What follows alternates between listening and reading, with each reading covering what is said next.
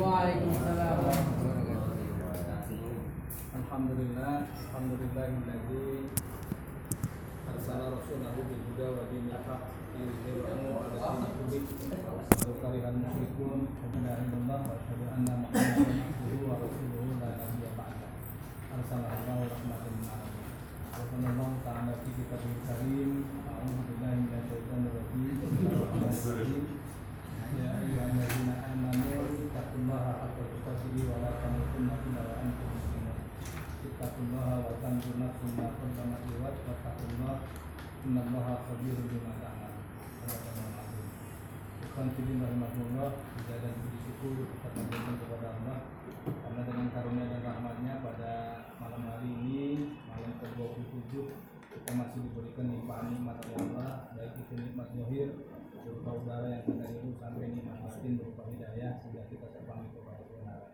Dan setelah hidayah sampai kepada kita ada satu kewajiban lain terhadap hidayah itu yakni menjaga agar nilai-nilai hidayah itu tetap eksis di dalam diri kita. Jangan sampai hidayah itu kita lepaskan. Sebab nanti akhir zaman kata Nabi akan datang kepada umat Islam ini bagikan fitnah. Fitnah bagikan gelombang. Di mana ada orang yang paginya beriman sorenya dia kafir dan ada orang yang sorenya beriman paginya dia kafir. Mudah-mudahan kita masih tetap dalam keadaan istiqomah di dalam jalan al-Islam ini. Kemudian salawat dan salam tidak lupa kita sampaikan kepada pimpinan kita Nabi besar Muhammad Cukuplah harapan yang kita dambakan adalah agar kita menjadi salah seorang dari pengikut sunnahnya, penerus dakwahnya, dan pada hari kiamat kita dibangkitkan di bawah panji-panji Rasulullah Sallallahu Alaihi Wasallam. Tuhan Fidin rahimahumullah sebelum kita sampai kepada eh, pembahasan materi hari ini, ya, mari sama-sama kita mengevaluasi diri kita, memperbanyak muhasabah, ya, sebelum kita tidur kita disunahkan untuk muhasabah. Hasibu qabla an tuhasabu. Hisaplah dirimu sebelum kamu nanti dihisap. Apa yang kita sudah lakukan sejak tadi pagi hingga malam ini kita evaluasi diri kita. Kalau ada banyak kebaikannya kita mohon agar Allah menerima ya, segala kebaikan yang kita lakukan tentang pagi hingga malam hari. ini. Dan kalau banyak salahnya, kita mohon kepada Allah agar kesalahan itu dimaafkan, diampuni kesalahan dan dosa-dosa kita. Karena itu untuk evaluasi diri kita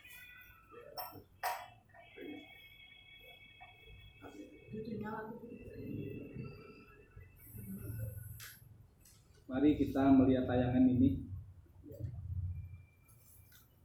Ternyata untuk menjadi orang yang bahagia ya, tidak sulit.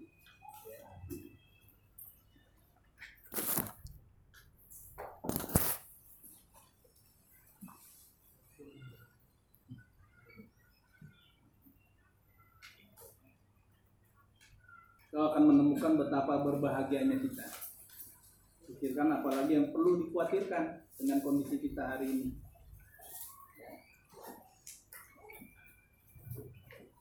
Ada di antara kita yang nggak sekolah, ternyata ya, di balik kekurangan kita ada orang-orang yang menghargai setiap kesempatan untuk belajar. Banyak orang besar yang tidak mengenyam bangku kuliah. Profesor Dr. Hamka hanya tamat SD saja. Ya. Tapi dia bisa sukses menjadi orang dalam tanda kutip. Ya. Bisa memberi manfaat kepada orang banyak. Ya. Justru bukan dari bangku kuliah ada orang yang diberi kesempatan bisa masuk sekolah sampai perguruan tinggi S1, S2, S3 nah, dia harus syukuri itu ya, ternyata kita harus melihat ke bawah ada orang yang tidak mengenyam bangku sekolah, bangku sekolah, tapi dia bisa belajar dari alam ini. Di alam ini kita bisa belajar banyak. Lihat bagaimana perbandingannya. Ya. Nah, mereka belajar seadanya. Ya. Pensil nggak ada, mereka gunakan jarinya. Ya. Whiteboard nggak ada, fokus nggak ada, digunakan media tanah atau pasir. Di mana saja kita bisa belajar. Ayat pertama di dalam Al-Quran bunyinya ikro, Ikra. baca. Tidak harus membaca tulis karena memang Qurannya belum turun lengkap 6666 ayat. Apa yang harus dibaca? Ma'ana bikorik kata Nabi.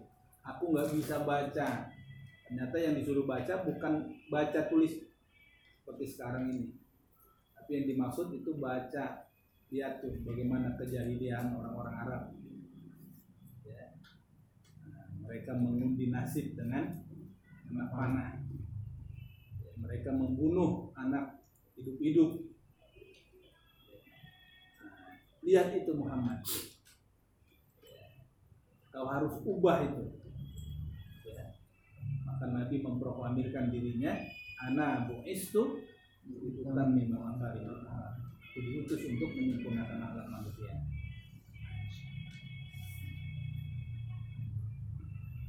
Ada yang nggak suka makan sayuran? Ternyata lihat di belahan sana mereka yang kelaparan. Ya. Jadi kita harus bersyukur. Ya, di negara kita banyak sekali kita jumpai sayuran yang berwarna hijau. Ya. Di belahan sana, di busuk, di gurun pasir yang tandus, yang enggak ada makanan. Ya. Mereka harus antri ya, menunggu jatah. Lihat mereka yang kelaparan. Oleh karena itu, jangan buang-buang makanan yang ada di hadapan kita itu. Usahakan habis. Lihat di belahan bumi yang lain ada orang-orang yang kelaparan. Ajarkan anak-anak kita untuk jangan membuang-buang makanan. Kalau kelebihan, sodakokan. Ya. Yang berikutnya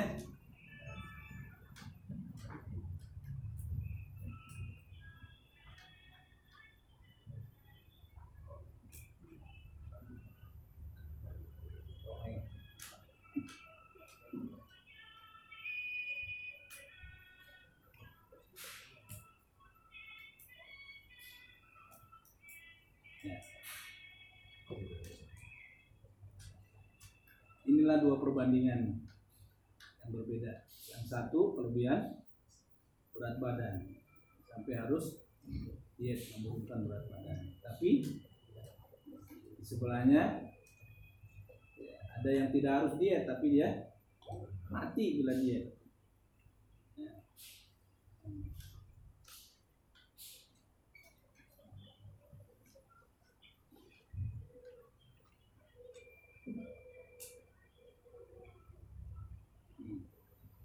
Kita lihat lagi di sini ada yang merasa gendongan ayah ibunya tak nyaman, maka dia harus ya, digendong oleh babysitternya. Tapi di belahan yang lain mereka bahkan tak ada ayah ibu yang menggendong. Ya. Kontras ya perbandingannya.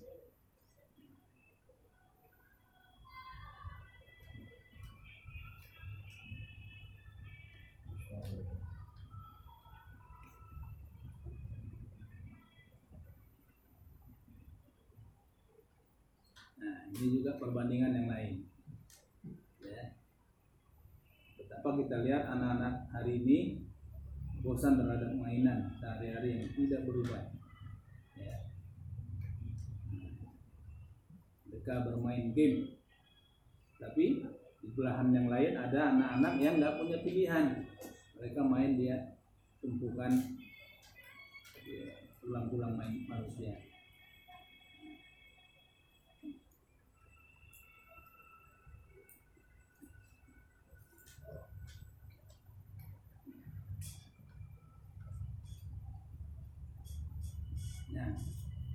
Perbandingan yang juga amat kontras. Ya. Ada orang yang dibelikan sepatu Adidas, dia malah menanyakan kenapa bukan naik, ya, Kickers dan lain-lain. Tapi di belahan yang lain kita lihat ada mereka satu-satunya yang mereka miliki tanpa merek dari tutup botol. Dari botol ya. Mereka ubah.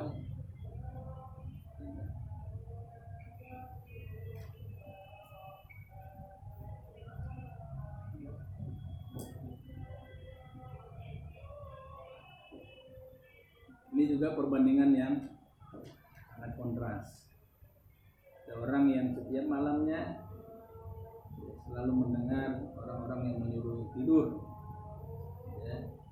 yang empuk tapi di belahan yang lain ada yang berharap terlelap dan tak bangun lagi.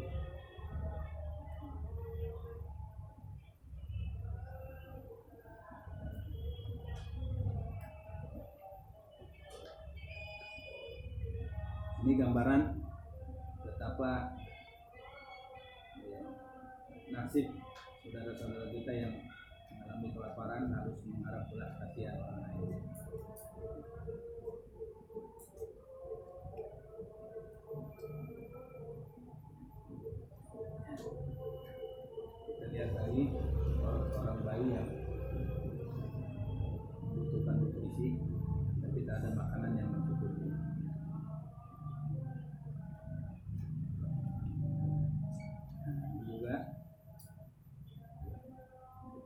kebutuhan akan air bersih. Sini kita buang-buang air, di sana nggak ada air mereka harus mandi dengan air kencing sapi.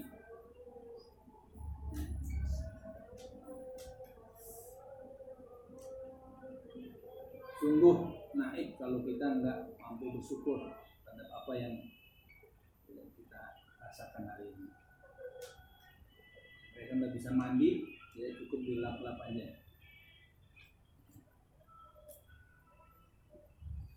Nah, lihat lagi di saudara kita ini. Tidak ada kekuatan untuk belajar ya. jadi nggak ada lagi kita yang masih membuang-buang makanan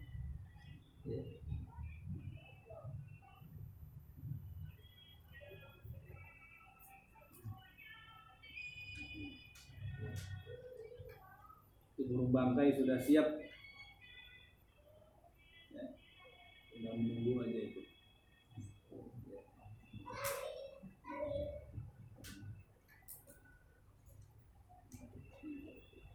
Anak yang makan remah-remah dari buangan orang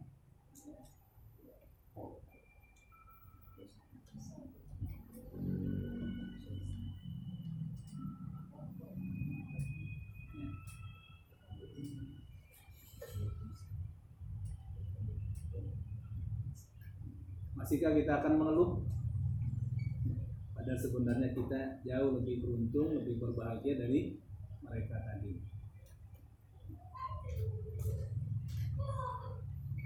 Lihat sekeliling kita yang kita miliki sungguh sudah cukup banyak. Cukup lihat nyawa yang Tuhan berikan kepada kita sudah cukup untuk bersyukur seumur hidup kita.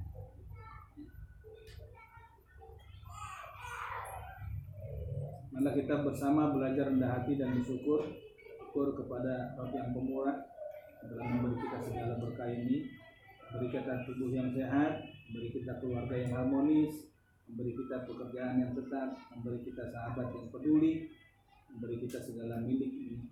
Dan mari kita bersyukur bersama sama Bersyukur lebih banyak dan mengeluh lebih sedikit.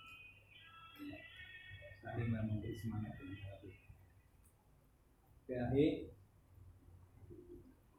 itu sebagai kalan pembukanya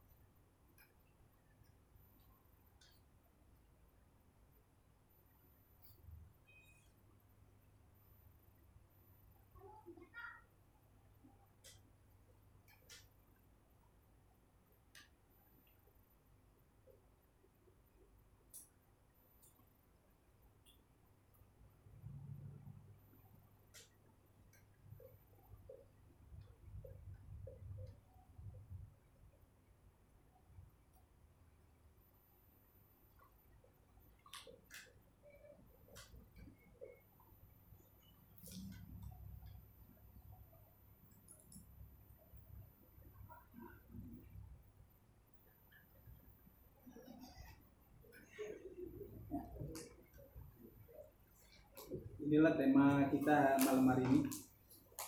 Ya. Membahas tentang ad-dunya.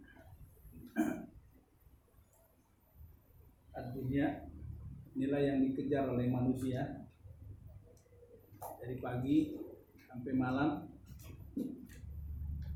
yang dicarinya adalah dunia ini pergi pagi buta pulang sudah malam buta. Malam apa maksudnya? Kelihatan matahari. Hah? bukan. Pergi pagi buta ya anak istrinya masih tidur. Jadi nggak lihat dia dia udah di stasiun. Pulang sudah malam buta. Artinya apa? Anak istrinya udah tidur. Dia pulang nggak ketahuan. Apa yang dicari dunia. Dunia ini. Inilah yang menyilaukan mata setiap orang. Sampai masjid di samping rumahnya nggak perlu didatangi. Gitu ya. begitu pesonanya dunia ini sampai melupakan orang. Nah. apa dunia itu kita lihat nanti ayat-ayatnya bagaimana Quran menyoroti tentang dunia ini. Jangan sampai seorang mukmin ini eh, terkecoh dengan dunia ini.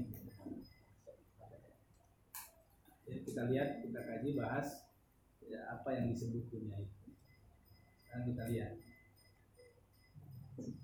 Buka ayatnya, surat Al-Kahfi ayat 46.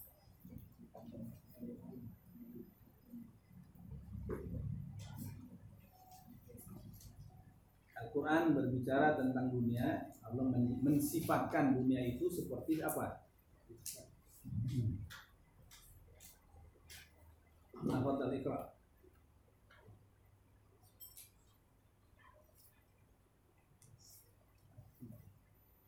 Sudah ketemu, silakan Mas Solid pemegang Quran. Al-Kahfi ayat 46 Ya.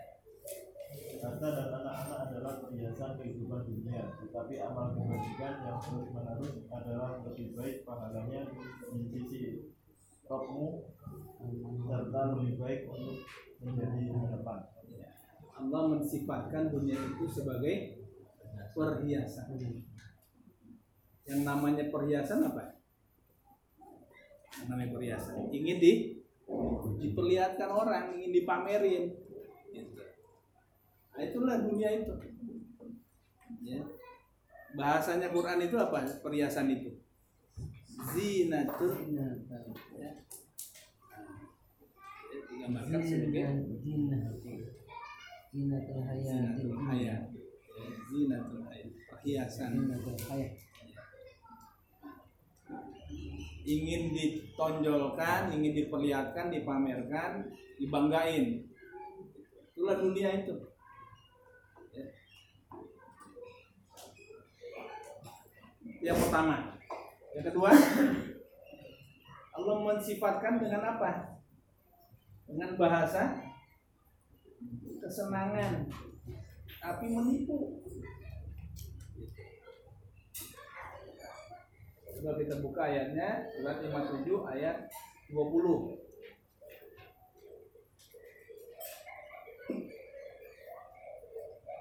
Silakan. Al-Hadid ayat ke-20 Ketahuilah sesungguhnya kehidupan dunia itu hanyalah permainan dan kuda gurau Perhiasan dan saling berbangga di antara kamu serta berlomba dalam kekayaan dan anak keturunan. Seperti hujan yang tanam tanam-tanamannya mengagumkan para petani. Kemudian tanaman itu menjadi kering dan kamu lihat warna warnanya kuning kemudian menjadi hancur. Dan di akhirat nanti ada azab yang keras yang keras dan am- ampunan dari Allah serta keridhoannya dan kehidupan dunia tidak lain hanyalah kesenangan yang palsu Senangan ya palsu palsu. Kesenangan tapi palsu. atau mensifatkan dunia itu seperti ya. Nah, di atasnya ada gambaran saya Tuhan ya, yang lama-lama menguning kemudian hancur. Nah, jadi dunia itu nggak kekal dan ini yang dicari oleh manusia. Ya sampai mengorbankan segala-galanya. Ya. kalau perlu jilat atas injak bawah. Nah itu sampai begitu ya, demi untuk mendapatkan kesenangan yang menipu ini. Kesenangan tapi menipu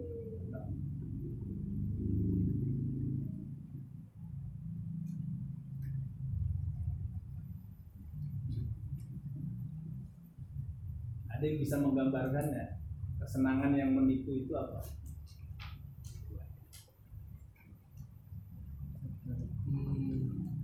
Tadi bisa? itu apa namanya kehidupan yang gemerlap. Nah, panjang angan-angan.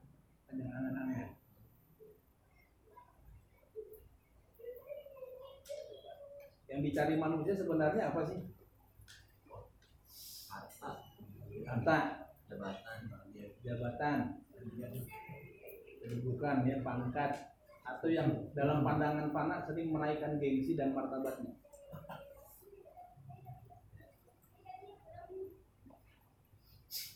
Yang dicarinya nggak jauh dari urusan perut, urusan syahwat.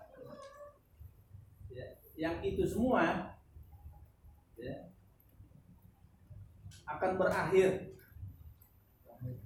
ya, akan berakhir dengan ketiadaan.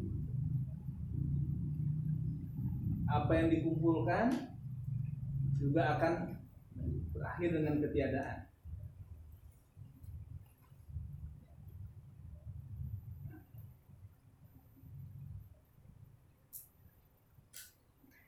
Ini kesenangan tapi menipu. Kenapa? Nggak dibawa, semuanya itu nggak bakal dibawa. Ya, harta, rumah, kekayaan, simpanan ATM, ya. tubuh yang ganteng, cakep, Ya. bakalan bakalan habis dimakan usia. Ada orang yang bangga dengan kecantikan, kegantengan, dia lupa bahwa kecantikan dan kegantengan itu akan pudar dimakan usia. Dulu di usia 17 tahun dia punya lesung pipit menawan hatinya. Masuk usia 40, 50 ya. Dia poles itu apa mukanya biar cantik menawan dengan segala macam make up dan lain sebagainya. Tapi kekal nggak itu? tidak. Ya, menipu, senangan tapi menipu. Ya.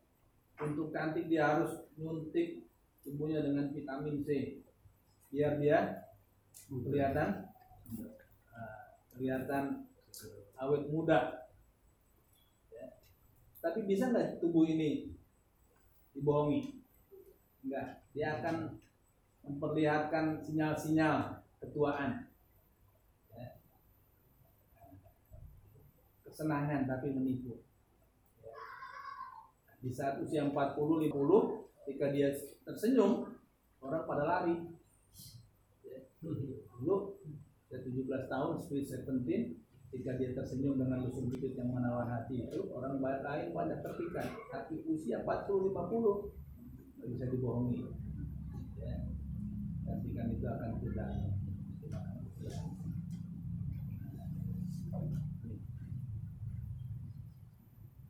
Oke.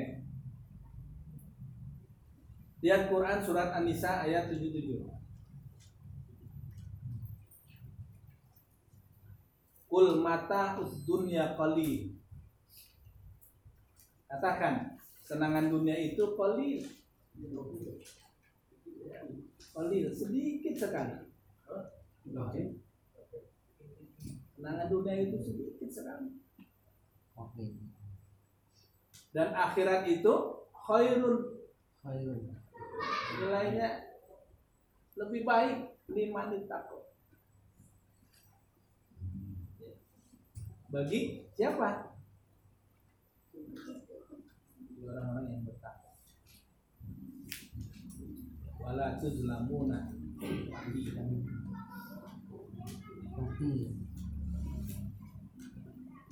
nah dunia ini hanya sebentar sebentar kolil. Sesaat doang.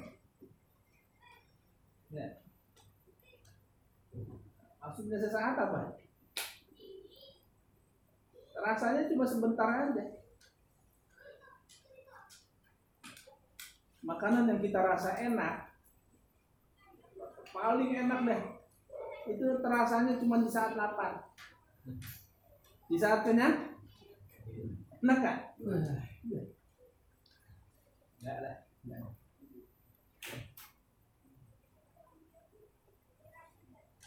pasangan kita. Ya kita punya istri dulu kita kita kejar-kejar gitu kan untuk dapetin si dia itu. Begitu udah dapet gimana Pak Titi? biasa aja ya? Biasa aja ya? Mas Reza nikmatnya seksual itu berapa lama sih? Ya. Walwil sebentar doang Ya. Ada yang bisa main beronde-ronde tahu nggak 12 ronde. juga sebentar Lengser maksudnya. sebentar kolil kata iya. ya. kolil bukan kolil kolil sebentar Khalil. atau sedikit ya. Nah, akhirat itu lebih baik untuk orang-orang yang bertakwa. Kata Allah, ada yang nilainya lebih baik daripada dunia itu. Ya, ada yang lebih baik nilainya. Ya. Kendaraan yang kita naiki, mau apa ke namanya gitu ya?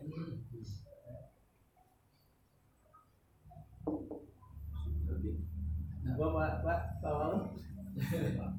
Ada Supra, Ah, Supra David Supra, ya kan, Bajai, apa aja deh, sampai yang kendaraan paling mewah, Ferrari.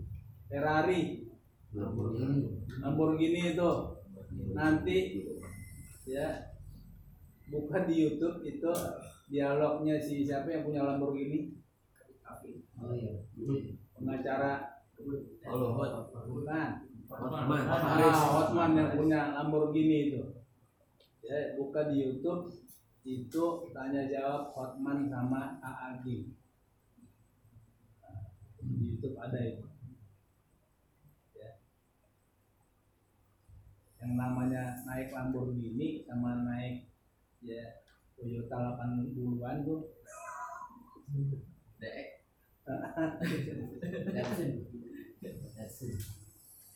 ya naik namanya naik itu kan begitu aja gitu.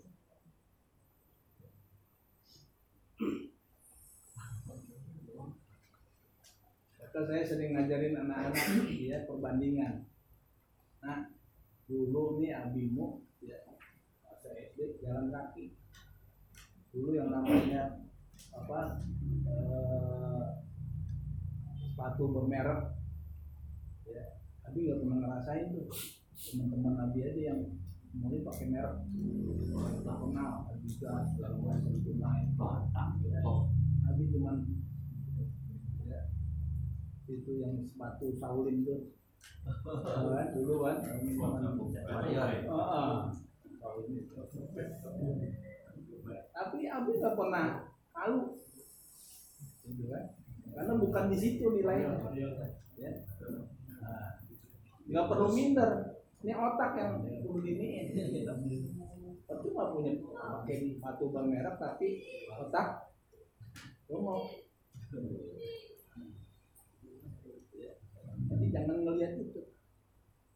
Batu bermerek cuman buat pinjam kayak kotor jadi nggak perlu kita ini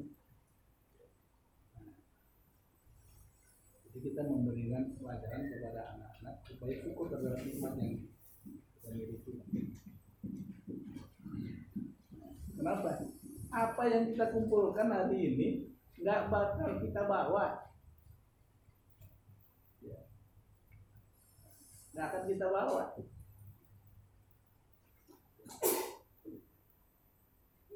Apabila mati anak Adam ya, yang mengantar ke kuburnya tiga dua yang pulang kembali ke rumahnya satu yang tetap bersamanya. Dua yang pulang apa itu? Anak keluarga. ahluhu pertama keluarganya. Keluarganya nganter sampai ke kuburan. Istrinya ya, atau suaminya yang dulu pernah berkata apalah artinya hidup ini tanpa kau di sisiku dulu pernah berkata seperti itu. Sekarang begitu lihat pasangannya mati ya, apa mau dia masuk ke dalam kubur bersamanya? Enggak. Ya, senangan palsu. Ya, saya ikhlas abang pergi duluan ya. Ya abang juga harus ikhlas. Kalau nanti saya ada jodoh saya kawin lagi ya. Nah, itu. jadi nggak berkah. Yang kedua yang kita bawa pulang yang yang kembali ke rumahnya apa? Wa malu hartanya. Hartanya yang dia cintai ya. Mobil Lamborghini yang dia miliki. Masuk ke kubur nggak? Enggak. pulang lagi ke rumahnya. Dia hanya parkir di pelataran parkir makam. Setelah itu pulang lagi dia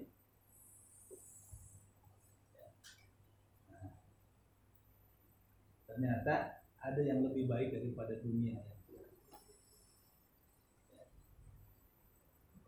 Akhirat itulah yang harus kita cari sesungguhnya. Kepentingan akhirat. Jangan kepentingan dunia terus yang kita pikirin. Bangun tidur yang pikirin dunia. Ke bawah alam mimpi Ya. Ini jangan sampai oke apa sih wujudnya dunia itu? Yang dicari orang itu apa nih? Sampai lupa waktu. Ya.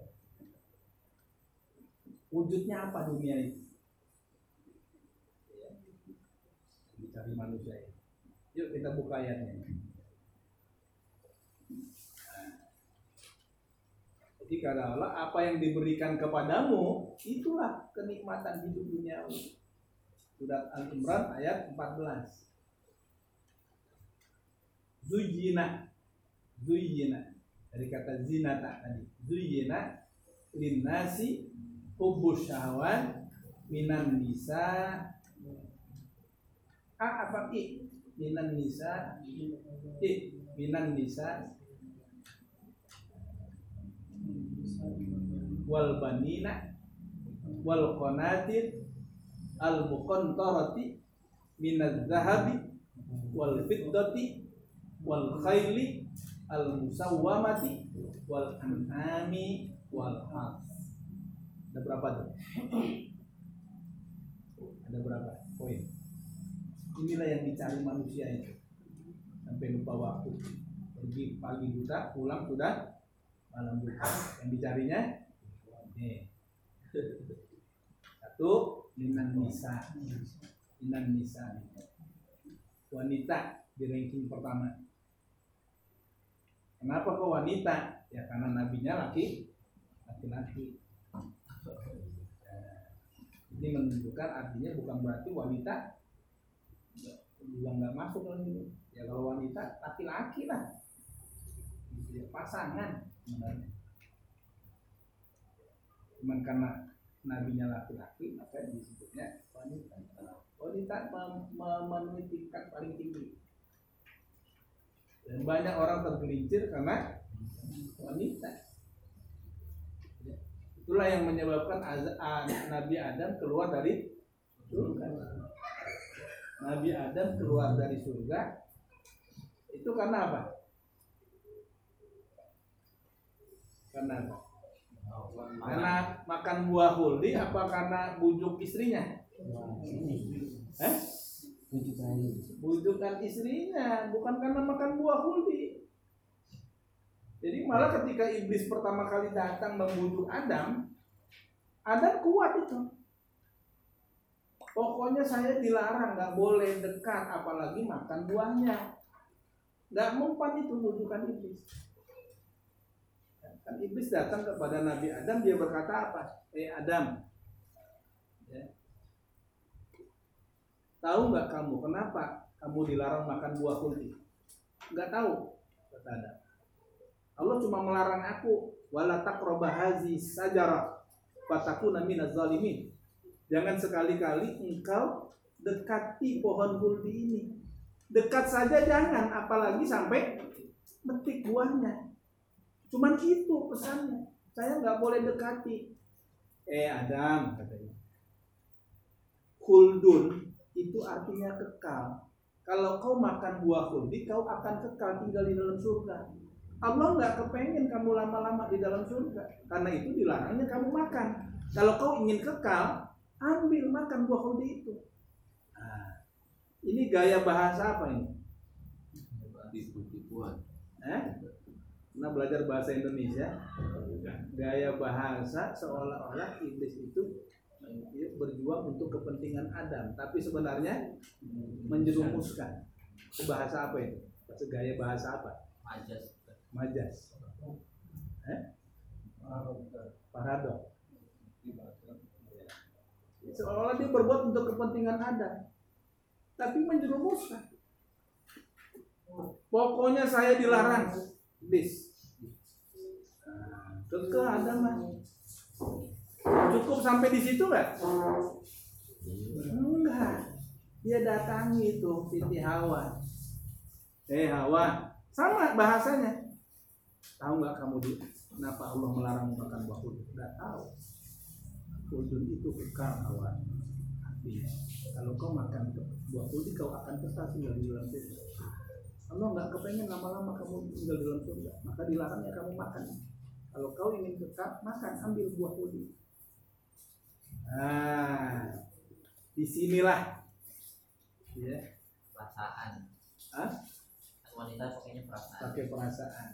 Ya, karena apa? Dia diciptakan dengan sembilan perasaan, satu akal. Ya, lihat namanya wanita diberi sembilan perasaan, satu akal.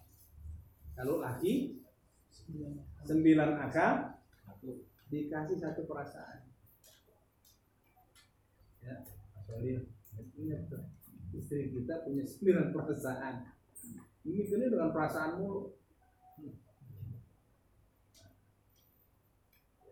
Udahlah bang, ambil aja dah. Ya.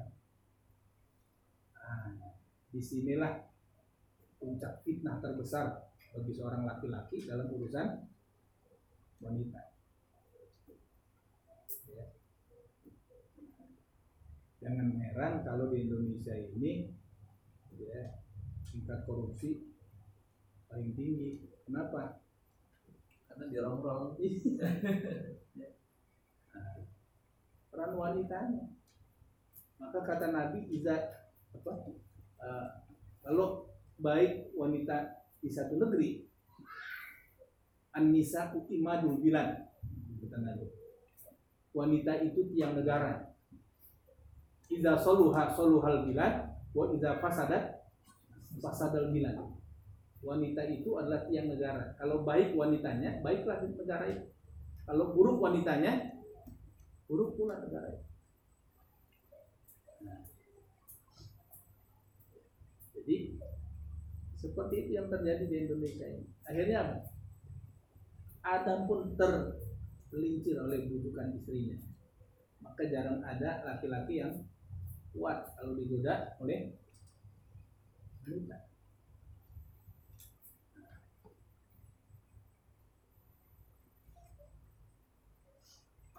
wanita. Yang kedua anak.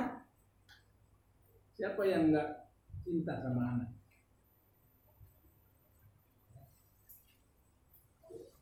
Sampai anak sendiri aja ditanya-tanya, anak siapa sih ini?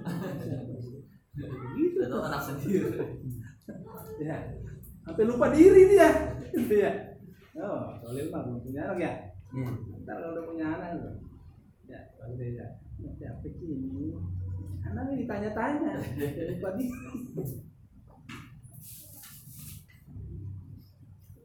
Kalau kakeknya yang enak ini cucu siapa sih? Anak orang nabi namanya nabi siapa yang nggak punya anak sampai di usia senja? Nabi Zakaria. Zakaria. itu sangat ingin punya benar punya anak itu. Di saat usia senja tulang-tulang sudah mulai rapuh ya. Dalam doa-doanya yang panjang itu selalu dia pengen ya Allah siapa pelanjut ya pelanjut akan melanjutkan perjuanganku setelah ini ya? Satu doanya ingin punya anak. Wah. Pengen punya anak. Sampai dikasih ujian apa? Nabi Zakaria itu. Apa dikasih ujian tuh. Ingin punya anak sampai nggak bisa ngomong. Oh iya. ya kan? Nggak bisa ngomong. Tandanya nih kamu nanti bakal punya anak kamu nggak bisa ngomong. Tiga hari. Hah? Tiga hari, tiga bulan. nggak bisa ngomong. Ujian nggak tuh? Kita punya maut mana? Karena nggak ngerti membahasa kita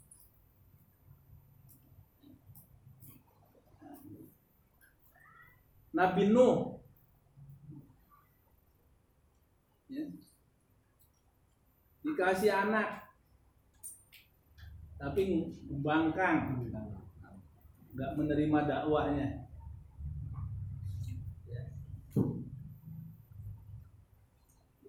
Sampai azab mau turun tuh ya Nabi Nuh cari ini kok yang naik ke kapal ini nggak ada putranya Kanan sama istrinya. Nggak ada. Eh dia lihat di kejauhan ternyata Kanan itu malah berkumpul dengan orang kafir. Waduh ini bahaya ini aku udah berdoa apa doanya Nabi Nuh. Robbi la tazar alal ardi minal kafirin. Ada ya, ya Allah jangan engkau biarkan satu orang pun di antara orang-orang kafir itu tinggal di atas muka bumi ini. Jadi mereka punya anak, anaknya kafir lagi mendingan bapak moyangnya sikat habis sekalian ya Allah jangan kau hidupkan. Waduh, ini si Kanan malah berkumpul sama orang kafir. Nabi Nuh khawatir kalau anaknya itu bakal di bakal terkena doa itu yang dia ucapkan. Tapi Allah kan balas. Hah? Ya Allah menjawab doanya. iya dijawab doanya itu. Nah detik-detik mau turun hujan itu dia lihat di kapal nggak ada putranya. Eh malah dia lihatnya berkumpul sama orang kafir. Dipanggil tuh anaknya ya bunaya.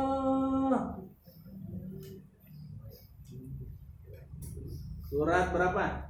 11 Surat Hud Ya bunaya Irkam ma'ana Irkam ma'ana Wahai ananda kanan Kemari naik kapal sama papi Panggil gitu kan 11 ayat berapa itu? 45 Nah, surat 45 eh surat 11 ayat 45 dan 46 silakan dibaca. Tafadhal Iqra. Bismillahirrahmanirrahim dan Nuh memohon kepada Rabbnya sambil berkata Wahai Rabbku sesungguhnya anakku adalah termasuk keluargaku dan janjimu itu pasti benar Engkau adalah hakim yang adil dan Allah berfirman Wahai Nuh sesungguhnya dia bukanlah termasuk keluarga Eh bukan yang itu. Oke. Waktu manggil waktu manggilnya itu ayat sebelumnya ya Sebelumnya. Hmm. Wahiyat tajri bihim fi maujin kal jibali wa nadanu rabbau kedua Empat dua. ah ya dua Dan kapal itu berlayar membawa mereka ke dalam gelom- gelombang laksana gunung-gunung Hmm. dan Nuh memanggil anaknya ketika dia anak itu berada di tempat yang jauh terpencil. Wahai anakku, naiklah ke kapal bersama kami dan janganlah engkau bersama orang-orang kafir. iya kan dipanggil tuh anaknya ya ya bunaya irkam ma'ana kemari nah naik kapal sini mau nggak kanan Iya. Saking cintanya Nabi Nuh sama anaknya itu ya. diberi rasa kecintaan, kecenderungan kepada apa-apa yang diingini. Anaknya nggak mau. Kanan bilang apa? Saya mau di sini saja, ayah. Akan datang banjir, nak. Kalau datang banjir ayah sa'awi ila jabalin ya simuni minal ma. Saya akan naik ke atas gunung yang tinggi yang bisa menyelamatkan saya dari banjir. Kanan lupa, gunung kan makhluk. Dirinya juga makhluk. Masa makhluk minta perlindungan sama makhluk? Makhluk minta perlindungan sama makhluk. Sama-sama lemah, jadi kalau ada orang datengin kuburan minta ini minta itu, kuburan makhluk dirinya makhluk.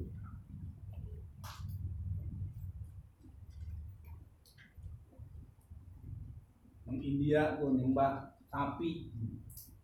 Hmm, sapi makhluk, dirinya makhluk. Udah nggak waras cara mikirnya kalau itu ya. kan naik ke atas gunung, gunung pun ditenggelamkan oleh banjir.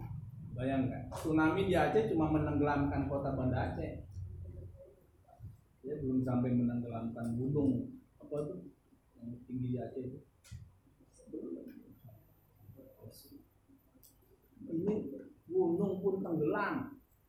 Kayak apa itu? Jadi Allah kalau ingin membinasakan ya, makhluk tidak bertanggung-tanggung.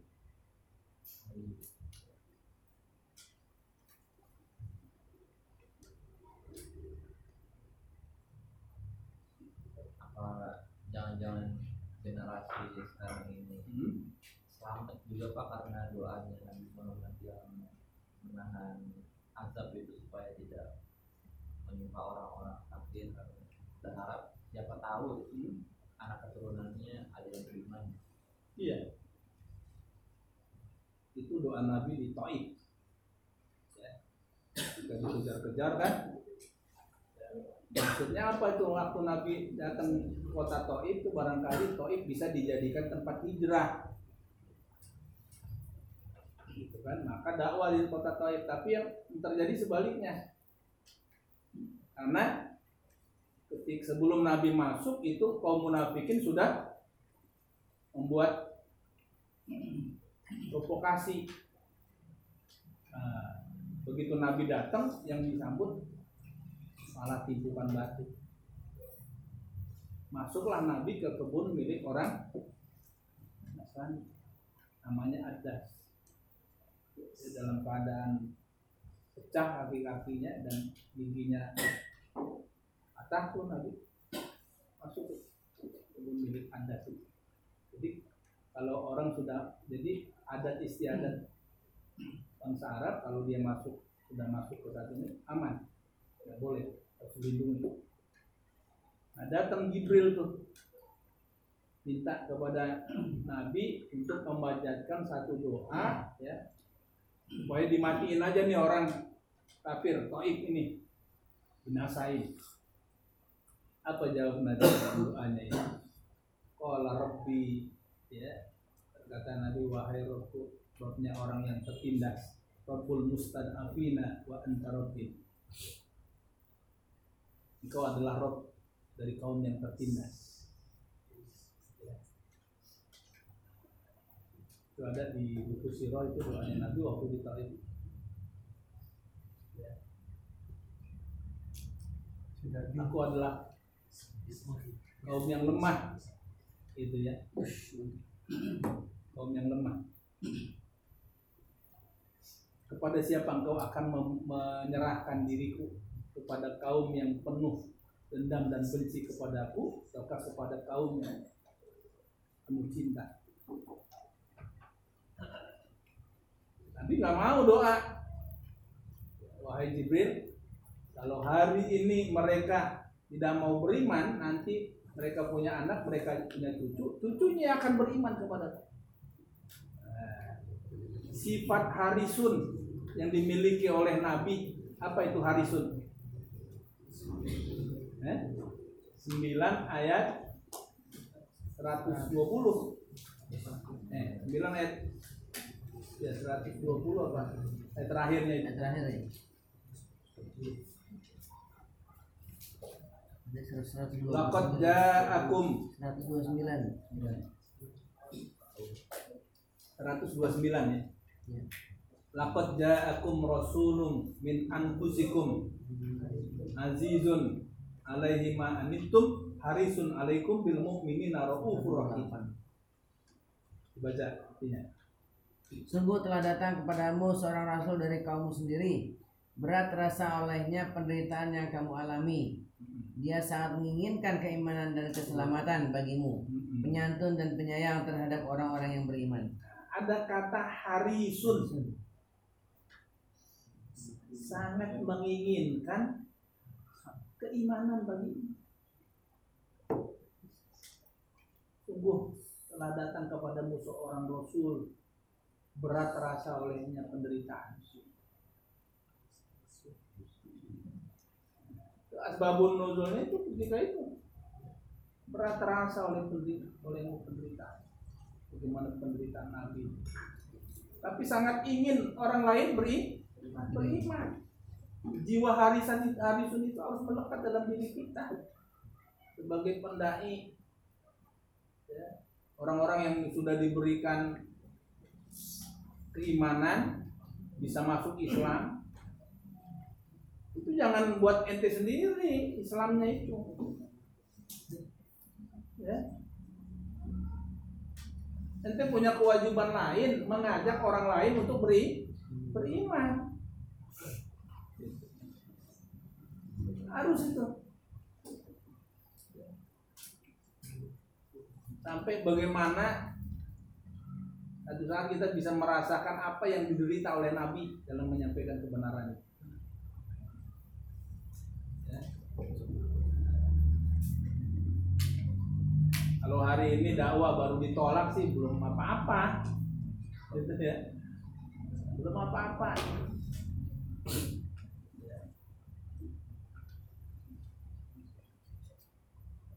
Jadi baru dilarang gitu ya, nggak boleh berhenti. Dakwah ini macam apa begini? Nah, itu belum apa-apa tuh, karena apa? Belum belum derita fisik. Kalau Nabi udah sampai derita fisik. Sampai derita fisik. Dilempari dengan kotoran unta. Dilempari ke muka Nabi. Udah. Kita mungkin belum gitu ya. Belum, belum. Dicaci, dipitnah. Udah.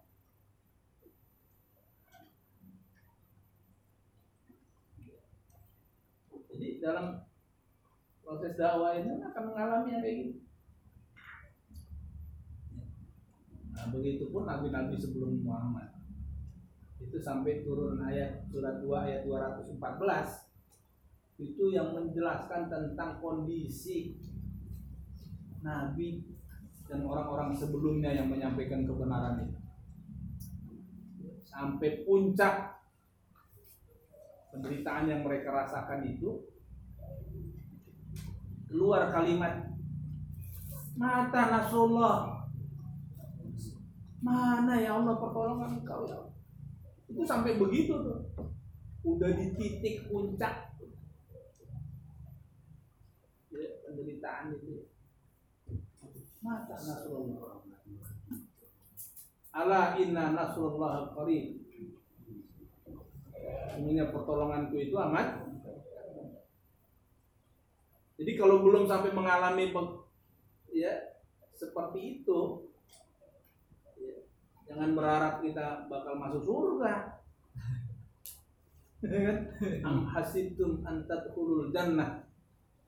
Kamu mengira bahwa kamu akan masuk surga? Padahal belum datang ujian sebagaimana orang-orang terdahulu banget.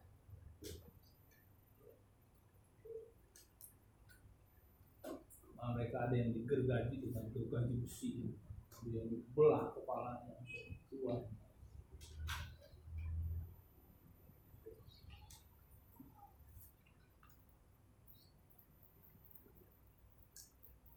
sampai mereka mengucapkan mat nasrullah ah nasib pertolongan engkau ya ala inna nasrullah qarib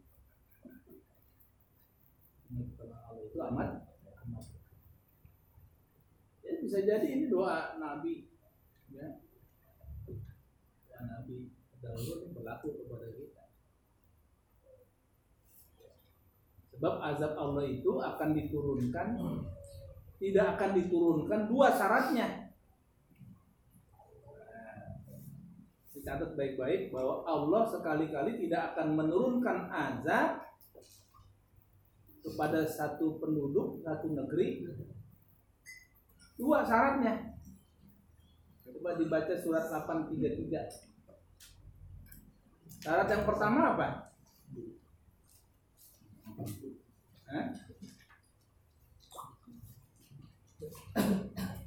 Syarat yang pertama. Wa makana Allahu liyu'azzibahum wa anta fihim. Itu syarat pertama. Baca silakan. Memakan Allah liyu'azzibahum wa anta fihim. Allah 8 ayat 33. Tiga. Tetapi Allah tidak akan menghukum mereka selama engkau Muhammad berada di antara mereka. Ya, oh satu. Itu syaratnya. Allah tidak akan mengazab. Kalimatnya wa makan Allah liyu'azzibahum. Ya, liyu'azzibahum. Allah sekali-kali tidak akan mengazab mereka selama engkau Muhammad masih hidup di tengah-tengah umatmu. Jadi nabinya jaminan keamanan. Selama nabi masih hidup, azab nggak pernah diturunkan dari langit, nggak pernah. Dari bumi juga nggak pernah. Beda sama nabi-nabi sebelum Muhammad. Nabi-nabi sebelum Muhammad kurang ajar, langsung azabnya diturunkan di dunia. Sisaannya. Lihat Nabi Musa, Fir'aun, dan bala tentaranya kurang ajar sama nabinya langsung di tenggelamkan di laut merah habis Gregetannya Iya. habis Fir'aun segitu perkasanya ya ngaku diri sebagai Tuhan anak rabbukumul a'la akulah robmu yang maha tinggi Ya. binasa juga Ya. Akhir cerita Fir'aun itu kan saat tenggelam terombang ambing di laut merah itu baru mengaku itu. Bersahadat nggak? Fir'aun? Bersahadat. Tapi nggak diterima. Sahadat udah ditenggorokan. Tuh, coba lihat buka di surat Yunus. Sahadatnya Fir'aun. Surat 10 ayat 10 10 apa? Ayat 90 ya, surat 10 ayat 90 Coba baca Dan kami selamatkan Bani Bani Israel melintasi laut. Kemudian Firaun dan bala tentaranya mengikuti mereka untuk menzalimi dan melindas mereka. Sehingga ketika Firaun hampir tenggelam, dia berkata, "Aku percaya bahwa tidak ada ilah melainkan ilah yang dipercaya oleh Bani Israel Hmm. dan aku termasuk orang-orang yang muslim berserah diri." Gitu kan? Bahasa Arab yang coba dipakai, dibaca tuh. Saat Firaun terombang ambing itu dia mengucapkan apa? Amantu annahu la ilaha illallazi amanat Di Bani Israel. Banu Israel. Nah, itu ya ada kalimat la ilaha illallah. Innal muslimin. La ilaha Tidak ada ilah illallazi kecuali yang disembah oleh ilah yang disembah oleh Bani Israel. Itu ngucapin juga syahadat. Tapi apa? Ada masanya di mana syahadat itu enggak Tidak pakai berlaku. Itu. Ya. Dia suka ini kalau ada orang diajak syahadat aja susah gitu ya. Ini lu mau nanti akhirnya lo kayak kenaon. Mau syahadatnya nanti. Dia bakal diterima kalau udah begitu. Udah udah di tenggorokan gitu.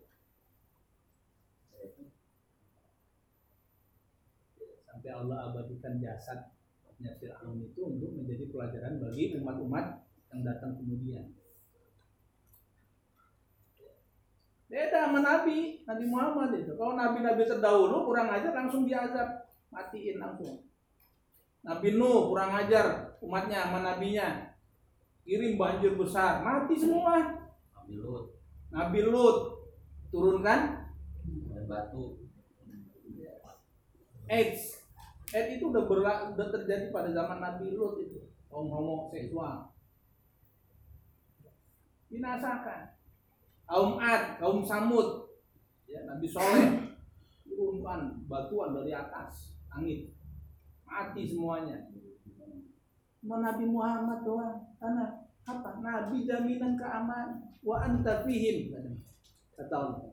Allah sekali-kali tidak akan menurunkan azab selama engkau Muhammad masih hidup di tengah-tengah umatnya. Selama Nabi masih hidup, azab nggak pernah diturun. Padahal kurang ajarnya kayak apa itu Pak Abu Jahal, Pak Abu Lahab.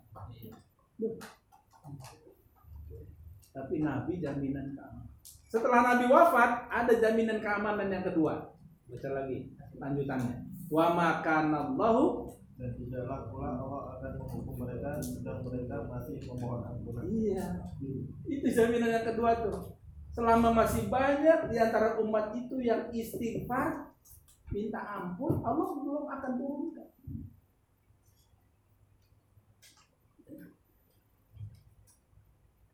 Masih ada orang yang sholat malam gitu ya. Jadi kalau pengen Jakarta nih, ya, diazab, dihancurin, orang-orang yang berimannya nyingkir dulu ke situ, nyingkir dulu ke pinggir. Dan minggu aja nyingkir. Karena masih ada orang yang lupa, minta ampun, dia masih ada yang. Belum turunkan.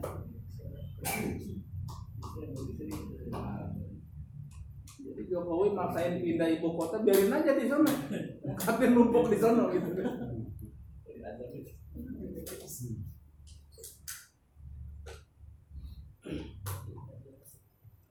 Itu dua jaminan keamanan itu. Jadi hari ini menghentikan bencana demi bencana. Banjir meletus, ya, gunung meletus, banjir besar, gempa bumi, ya, angin puting beliung. Ya, syaratnya memasyarakatkan istighfar dan mengistighfarkan masyarakat. Tugas kita itu. Percuma ada istighosa. Ya kan? Tiap kali ada bencana alam istighosa di parkir timur, pakai pakaian putih-putih, doa, nangis-nangis. Gitu kan? Ya Allah jauhkanlah ini bangsa ini dari musibah.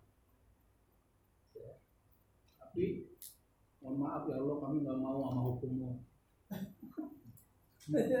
Apa artinya istighosa kayak gitu ya? Mau hukum Allah nggak mau gitu kan?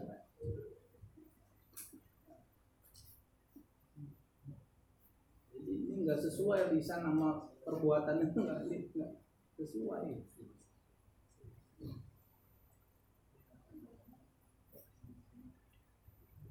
Ya, nih. Harta. Siapa yang nggak suka dengan harta? Nih, kasih kecenderungan manusia senang harta.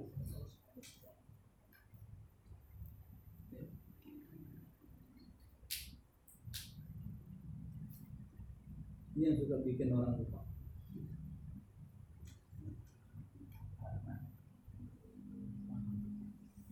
Padahal hakikat harta itu Jadi tahu. milik kamu. Lillahi ma fis samawati wa ma fil kepunyaan Allah. Apa yang di langit dan apa yang di bumi. Ingat tuh. Asal muasalnya harta itu itu bukan milik kita. Milik Allah apa yang di langit dan apa yang di bumi. Jadi kalau hari ini ya, kita punya harta, apakah itu rumah, kendaraan, atau simpanan di ATM dan lain sebagainya, itu apa? Mana? Itu kan titipan. Karena apa? Kita lahir ke alam dunia ini enggak nggak bawa apa-apa itu semua. Miskin kere kita ini awalnya. Yang membuat kita kaya apa? Karunia Allah. Hah? Karunia Allah. Iya karunia Allah itu semua karunia Allah yang membuat kita kaya apa? Karena ente kawin. Oh iya rezekinya. Iya. Nikahilah orang-orang yang tidak mampu. Karena Allah akan memberikan. Karena Allah akan janjinya tuh. Ya yang nikah akan di dimampukan. Bukan. Kayaknya kalau nggak nikah nggak kaya dah ente. Ya, Udah nikah.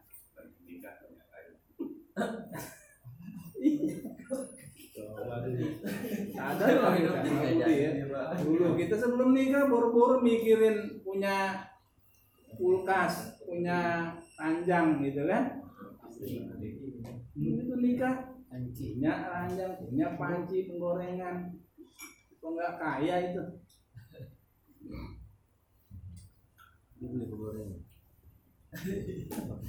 Ya kan? Ya, iya, Mas Holil dulu belum nikah. Ya.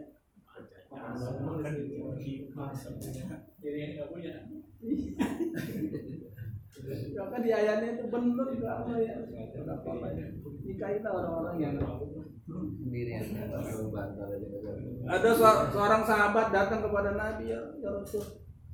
Saya udah nikah tetap, tetap miskin. Kawin lagi. Nikah lagi Nabi.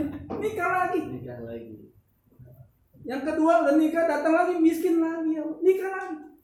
Yang yang keempat kasih kekayaan. Nah, betul yang begitu juga tuh.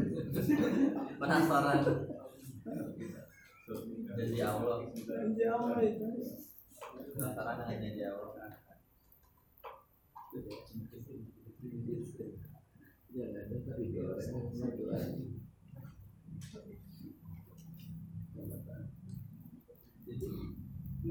nih harta nih titipan doang. Ya, dititipin berupa rumah. Yang namanya titipan bakal ditanya nggak? Tanya. Tanya. Ini Pak Dardi saya nitipin ini nih herbal nih ya. Satu saat saya tanyain nggak? Mana Pak Dardi? Saya kan nitipin herbal sama ente. ada Ada. Mana? Titipan. Bakal ditanya. Ya.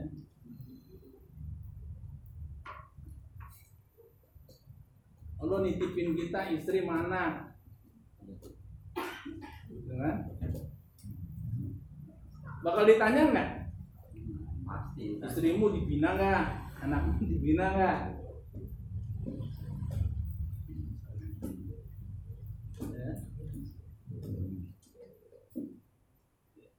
Makanya Robi'ah al-Adawiyah ketika dia dilamar oleh Imam Hasan al-Basri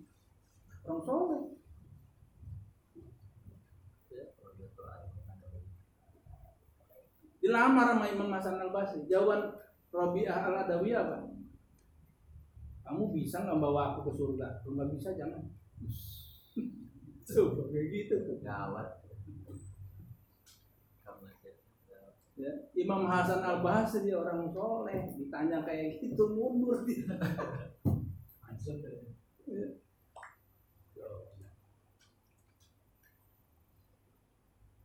bisa nggak itu jamin saya kalau TNI kamu itu bisa bawa saya kepada surga kamu kalau bisa ya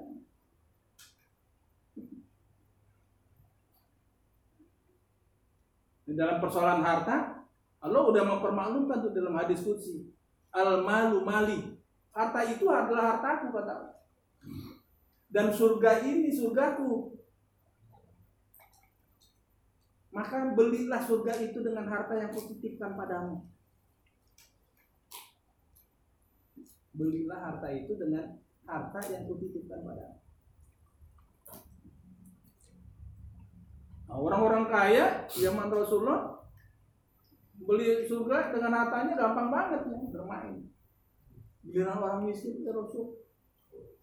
Sahabat-sahabat yang lain yang punya pada mendermakan hartanya. Bagaimana aku bisa membeli ah, surga dengan harta aku sementara aku nggak punya apa-apa. Nah, Rasul kasih solusi. Apa itu? Zikir. Ya, Sebenarnya setiap lisan yang berzikir itu itu ada timbangannya. Imam Bukhari mengakhiri hadisnya dengan kalimat apa? Ada satu kalimat yang dicintai Ar-Rahman. Apa itu?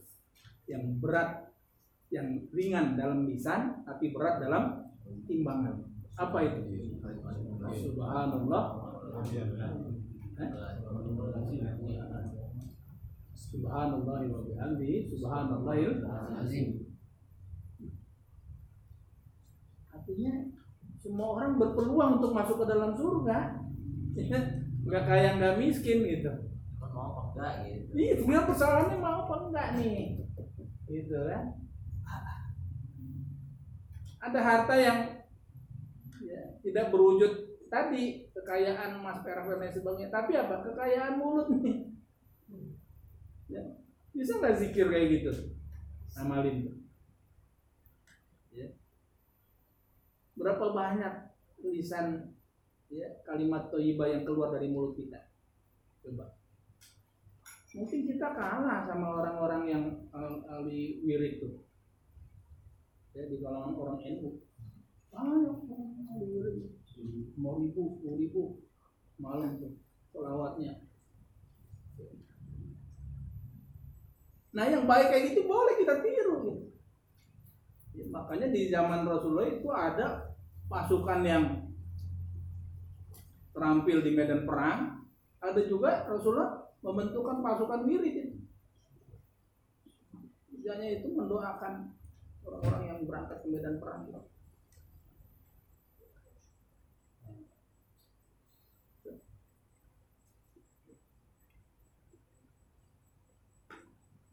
Jadi, setiap yang keluar dari mulut kita itu apa yang luar biasa ya.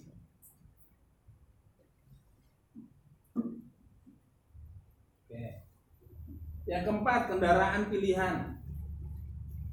Siapa yang enggak senang tertarik sama kendaraan? Tiap keluaran merek terbaru pengennya beli aja, gitu ya. Nah, itu sifat manusia. Pengen nyoba, enak kali ya, test drive ah. Kendaraan. Kalau dulu onta, kuda, kalau sekarang Honda, Suzuki, dan sebagainya. Udah punya satu pengen? Ada dua main? Tiga. Tiga. Udah tiga, garasi orang disewa. Nggak pernah puas. Hatta kamu punya satu gunung emas, ya kamu gak bakal puas itu. Pengen dua lembah, gitu ya kata Nabi. Sampai mulutmu ya, tertutup tanah kuburan baru selesai pilihan.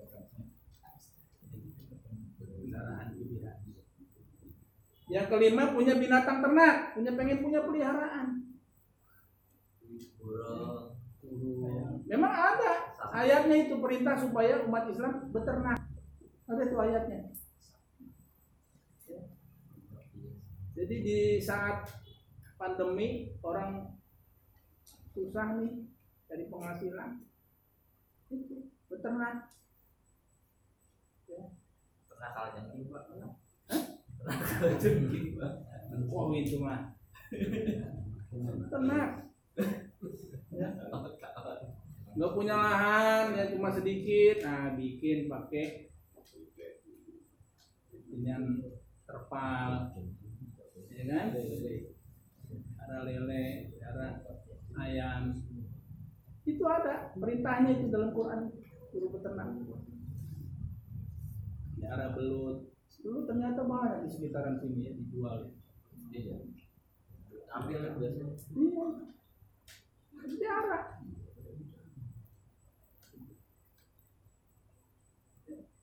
Untuk ketahanan pangan. Ya. Coba kalau setiap orang nih, setiap hewan melihara di rumahnya ternak ayam aja. Atau ternak kelinci, kelinci pedaging. Kalau mau ada pelatihannya nanti digelar di sini. Hewan kita tuh ada yang sukses.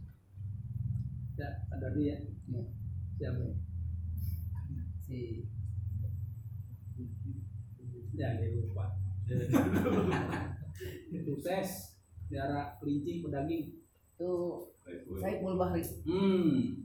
Saiful Bahri. Bisa nanti presentasi kan kita belajar. Jadi setiap acara itu mesti motong kelinci. Daging kelinci itu aman buat penderita. Ya. Karena dia apa daging kelinci itu apa? Non kolesterol betul. Aman buat orang penderita. Asam urat dan lain cuma sebagainya tak orang nggak tega katanya ayo cucu iya tapi kalau jadi sate mah aja. Ikat aja. ya, waktu motong emang nggak tega tuh. Udah nggak usah ngeliatin lah ntar aja udah jadi sate udah jadi sop. Eh, enak rupanya. Emang enak. Acara itu motong tuh. Nah. itu paling berapa bulan tuh? Udah berapa bulan. tiga Tiga bulan. gitu. Nah. bulan. Tuh.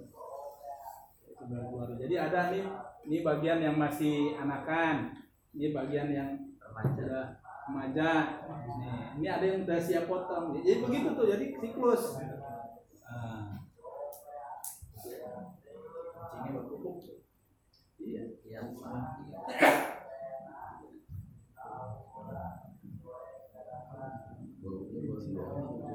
Itu bisa buat ketahanan pangan. Hai. Sekarang yang lagi booming itu proto. Oh, Iya. Telur semut nangrak Hmm, ternaknya, ternak proto itu semut. Ya, susah soalnya itu mah ditinggal aja. Tinggal lo, tinggal disediain ininya tuh. Gula-gula yang manis-manis tuh. Itu ternak sendiri lo, telur sendiri. Jangkrik, itu jangan ada tenangnya. Nah, iya. Bisa saya undang teman saya tuh ada yang sukses di kalau ayam nih, masing-masing punya ayam, tenang aja.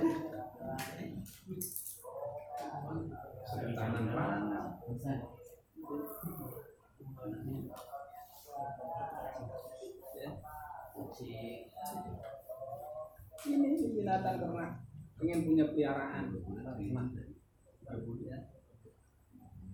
Kalau dulu waktu di masa revolusi itu Pak Imam suruh instruksikan semua Ikhwan ya, di daerah D1 itu harus beternak ikan. Karena logistik masa perang itu perlu dibutuhin wajib punya instruksikan wajib punya kolam itu tuh wilayah daerah satu itu. Daerah yang di situ berlaku hukum Islam Ya. itu perang segitiga antara Belanda TNI sama TNI. wajib punya kolam?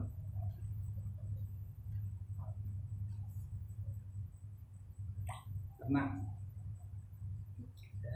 nanti ayatnya ya saya lupa tuh dilupakan itu ya ayatnya.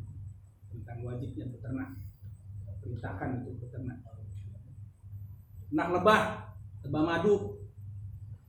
Ya dulu di pondok kita di Cigudeg itu kita tanemin. Ya ternakan lebah lebah madu ada dua tuh lebah penghasil propolis sama lebah penghasil madu beda tuh jenisnya jenis lebahnya. Ya, lebah trigona penghasil propolis. Jadi air liurnya yang diambil. Ya, lebahnya kecil-kecil. Bisa buat pengobatan juga untuk lebah Kayak terus santri-santri kita udah pada terbiasa. Jantung ya. Nah, diantuk. Masyarakat di situ tiap minggu mesti ada yang berobat ke situ. Antuk lebah santri aja yang ini. Nah, kalau mau belajar kan bisa saya undang. Pakar lebahnya ini. Profesor dari IPB Ya.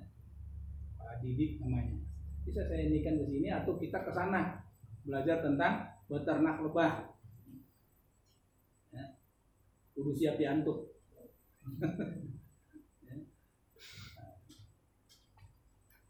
Ya, Tinggal diprogramin aja kalau mau. Ya. Dia sudah minta tuh, apa nih mau ini belajar lebah lagi. Ya, biasanya kalau belajar di tempat dia nanti pulangnya dikasih satu kotak. Nah, satu kotak koloni lebah, dan di situ ada ratu lebahnya. Sudah bawa tuh biasanya. Yang berminat boleh nanti kita ini kan ya. yang keenam ini sawah ladang. Ini juga yang di ini. Sawah ladang berkebun pengen punya kebun yang luas sawah yang luas Iya. ya Nih, ini bagian dari dunia, ya kan? Yang belum pensiun udah ancang-ancang bu kalau pensiun udah ambil jadi ini aja, jadi petani aja deh. Iya, Tani. Tani, Ya. sawah. Yang mau belajar apa? Orang Jepang nggak punya lahan yang luas, tapi mereka tetap bercocok tanam di depan rumahnya. Rumahnya klaster tapi orang Jepang itu. Orang negaranya kecil, gedean tenambang kali. Jepang ya. Tapi setiap rumah itu pada bercocok tanam. Pakai apa? Sistem nggak pakai tanah. Aktif hidroponik. Nah, kalau mau belajar hidroponik kita bisa turunkan juga nih. Olir. udah Udah. Ter- ini apa? Di mana ininya? Di lahan mertua. Nah, itu pakai peralon-peralon ya. Itu pakai ini ya. Tanam apa selada masih selada Hah? selada selada nah, selada paling gampang ngomongnya Kangkung, bayam, kangkung bisa sesim. Taruh bibitnya itu Ya. tapi itu airnya harus muter jalan ya. pakai pendorongnya itu yang punya ikan Pompa ikan. ya pompa ikan harus punya keterampilan kayak gitu Iwan Ya. Jadi kebutuhan sayur nggak usah beli. beli ke saudara Nah itu pusat tanaman hidroponik kita bisa belajar di Parung. Lewat sedikit tuh dari pasar Parung sebelah kiri. Nah itu ada budidaya tanaman hidroponik. Bisa beli di situ, bisa belajar di situ. Parung. yang ke arah itunya ya pak Yang ke arah Bogor. Oh, Nah lewat pasar Parung dikit sebelah kiri tuh nanti ada. oh Iya. yang sebelum belokan ke Tajur Halang Iya.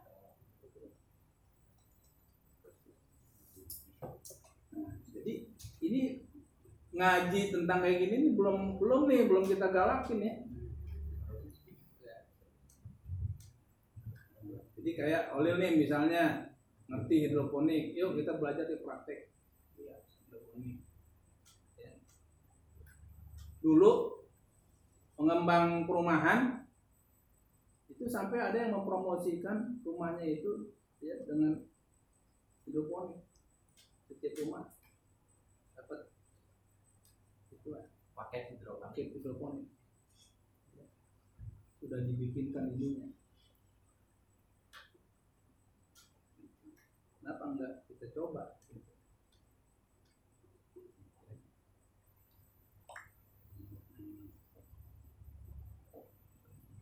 Inilah yang dicari manusia nih. Nih dikejar manusia. Ya. sampai lupa waktu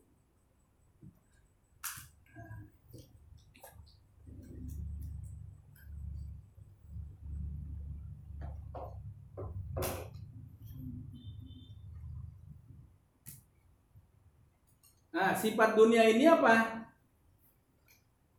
Nih, keenam.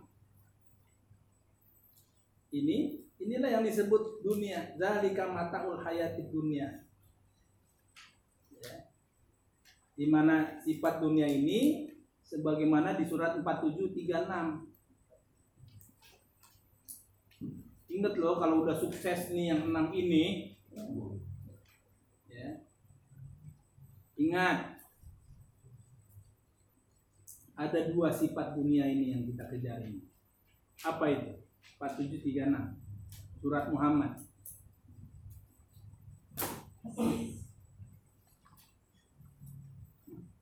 Bismillahirrahmanirrahim.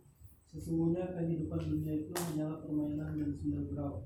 Jika kamu bermain, jika kamu beriman serta bertakwa, Allah akan memberikan pahala kepadamu dan Dia tidak akan mem- meminta apa. Ya, ini sifatnya dua. Innamal hayatud dunya laibun. Tuh. Satu laibun. Laibun permainan, malab tempat main, lapangan. Sifatnya dunia itu laibun, permainan. Artinya apa? Yang namanya orang bermain ada masa memulai permainan. Lihatin anak kecil, main ya, ya, main gundu lah, main gambaran ya. Ntar udah selesai apa? Udah capek, tinggalin tuh mainannya. Ada masa memulai dan ada masa mengakhiri. Itu permainan. Nggak selamanya main terus. Asik nggak mainan itu? Asik.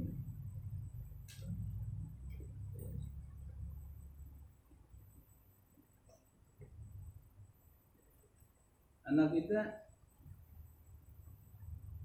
masa pandemi gini harus di rumah stay at home. Bosan juga. Ya. Bosan di rumah terus gitu kan. Akhirnya apa? Dari mainan gitu. Datang ke tukang mainan. Cari-cari mainan apa ya? Ah nih deh, ini mainan ular tangga. Upet tuh, ada ular tangga, ada halma, ada ya, ludo. Tiap hari akhirnya ngajakin main dulu. Enggak lama nih putar lagi tuh. Ini kan duduk. Buat ngilangin kejenuhannya dia. Kenapa? Ya, ABM online. Anak saya di sekolah takfi setiap hari itu mesti ada setoran.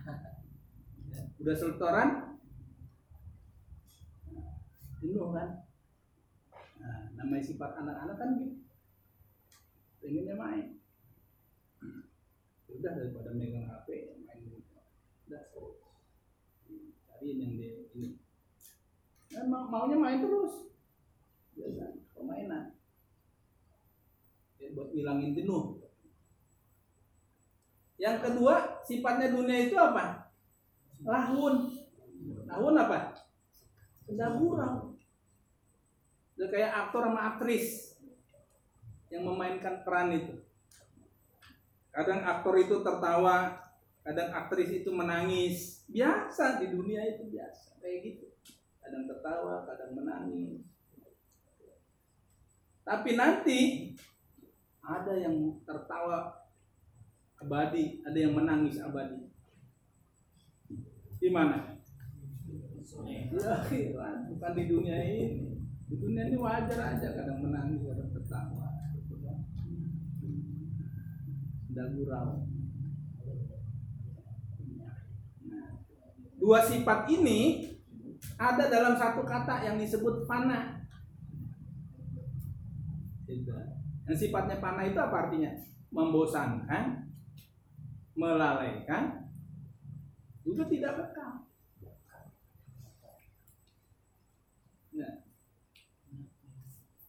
Ente waktu sendirian butuh temen nggak? Iya Pak. Butuh ya? Wah, gede Reza mah. Iyalah, butuh teman. Ya. Model aja udah butuh. Nah. Ya, enak sendirian. Iya. Ya, nggak ada yang perhatiin. Ya kan? Ternyata kenikmatan surga yang begitu lengkap tidak membuat Adam bahagia. Ya? Padahal surga kurang apa coba? Tapi sendirian dalam hidup. Ya, nggak bahagia.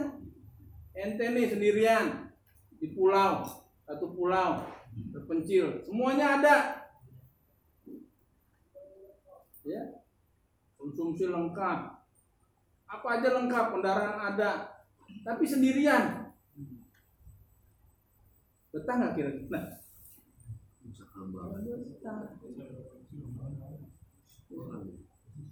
Itu yang terjadi pada Adam. Fasilitas lengkap tapi tidak membuat Adam bahagia. Ternyata yang membuat hidup ini terasa indah, terasa penuh makna apa? Karena ada orang lain di samping, samping yang mau mendengar perasaan kita tanpa curiga, prasangka. Itu kekasih yang mau menopang tubuh kita di saat kita lemah tak berdaya apa-apa. Iya. Emang nih, andai kata nggak pandemi itu juga pulang ke tiap minggu. Iya. Diomelin pak kalau pulang.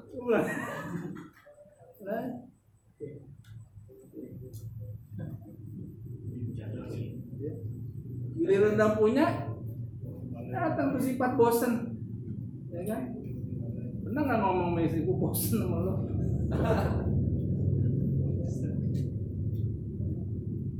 Istri juga bosen kali nyakitin mulu gitu ya. Nah, membosankan, melalaikan, panah itu ada dalam Ingat dunia ini panah membosankan, melalaikan, tidak bekal.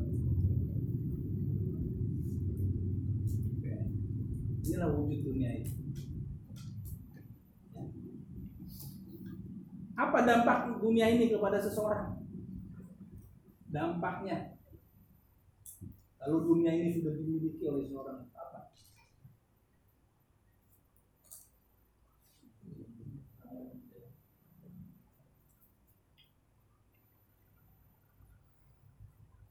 Nih, Dunia itu sering menyebabkan manusia jadi sombong sombong. Ya. Jangankan gaya hidupnya, gaya jalannya aja udah beda. Ya kan? Ketika dunia udah dimiliki, wah, gaya jalannya beda.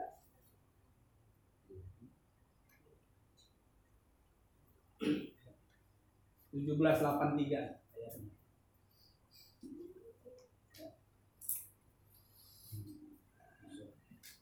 silakan dibaca apa berarti Dan apabila kami berikan kesenangan kepada manusia, Hmm? niscaya dia niscaya dia berpaling dan menjauhkan diri dengan sombong. Dan apabila dia ditimpa kesusahan, niscaya dia berputus asa. Ya, gitu tuh. Giliran sukses, sombong. Iya tuh. Ya. Itu mau kekayaan. Sombong. Giliran ditimpa kesusahan, putus asa.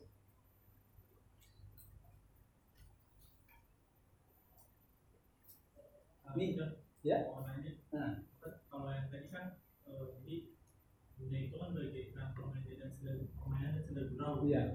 Itu kalau di kalau maksudnya ada ini nggak sih dijelaskan kalau pilihan kata-kata menjadi pilihan gitu. Maksudnya kalau kita eh, lihat kehidupan. Kalau tiap orang kan kayaknya udah sepermainan enggak se semudah kayak permainan gitu gitu ya. Dia udah ada yang merasa kesulitan ada yang merasa berat gitu, untuk menjalani kehidupan ini gitu. Tapi kenapa pilihan kata yang dipakai soal itu adalah sendal gurau dan permainan gitu? Itu kira-kira Iya. ah, padahal I- ini kan tadi ya sifatnya dunia itu permainan dan sendal gurau. Permainan ada masa ketika dia memulai permainan, ada saat mengakhiri. karena dia dibatasi Ah, yang kedua dia lahun. Sendal gurau artinya kayak cerita, kayak panggung sandiwara gitu ya. Kita ini jadi aktor dan aktris. Istri kita aktris. Kadang kita harus memainkan peran sedih, peran gembira. Itu yang namanya senda gurau tuh kayak gitu. Nah, di atas semua itu kan ada skenario yang harus kita mainkan. Ya, tuntutan perannya. Nih lu pakai nih kata Allah. Quran ini sebagai aturan. Tapi tetap dalam perjalanan ya si aktor dan aktris itu mengalami tadi. Ya. Nah, lo kasih ujian-ujian tadi. Ya, dalam perjalanan berumah tangga ada kalanya kita ditimpa ujian kesusahan. Ya kan? Wah, anak kita menikah nih, kita nggak pegang uang. Gimana? Ada lagi ujiannya yang punya anak, udah sampai sekarang, udah usia lagi belum ketemu jodohnya. Susah hati kita. Gitu kan? Jadi masing-masing Allah kasih ujiannya beda-beda tuh. Yang baru berumah tangga misalnya nih Mas Oli ya usia pernikahannya belum umur jagung aja. Gitu kan bukan berarti nggak ada kesulitan. Gitu kan? Harus beradaptasi nih dengan pasangan misalnya. Ya kan? Itu bukan setahun dua tahun. Lima tahun pertama itu masa rumah tangga itu penuh dengan ujian. Kan lewat lima tahun baru bisa. Ya, karena adaptasinya itu luar biasa juga. ya. Nah, ada kesulitan-kesulitan. Apakah dia menyikapinya dengan menangis misalnya? Ada ya. Enggak sama tiap orang. Ada yang diuji dengan kesulitan hidup kemiskinan kurangan harta, kurangan buah-buahan kan? Di surat berapa itu? Iya. Ada yang diuji dengan musibah, lupa dicabutnya. Ya, orang-orang yang paling yang dia cintai, gitu kan? Dia harus menangis, gitu kan? Itu biasa, selama di dunia itu masih biasa, senda gurau itu. Bisa nggak menyikapi itu? Bahwa setiap yang Allah ciptakan itu, ya, adalah ujian. Outputnya lulus atau tidak lulus kemarin kita kan. Ya. Ingat bahwa hidup itu adalah ujian. Nah, kemarin tuh ya di apa materi konsep hidup. Ingat, lulus atau enggak kita? Ketika diuji dengan kekayaan, ketika diuji dengan kemiskinan. Tadi kalimatnya Allah eh, di surat berapa itu? Allah itu menciptakan siang dan pasangan kaya dan enggak. Allah tidak menciptakan kemiskinan enggak. Kecukupan. Coba itu surat berapa? Itu itu menciptakan kecukupan. Bukan kemiskinan. Jadi kemiskinan itu apa? Pilihan Allah pilihan kamu. Pilihan kamu. Bukan pilihan Allah. Allah memberikan kekayaan dan kecukupan bukan kemiskinan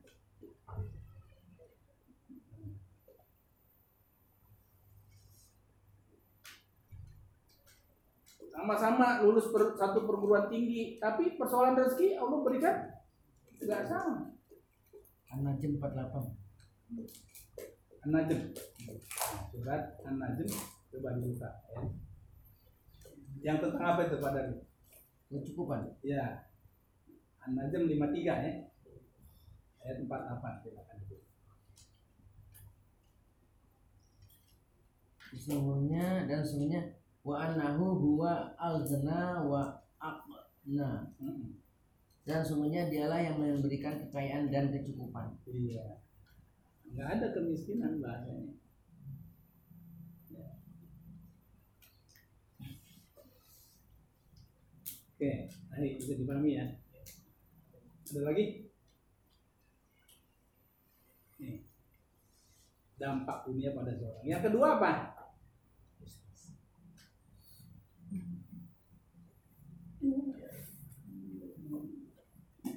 Ini contoh-contohnya korun, sambung dengan hartanya.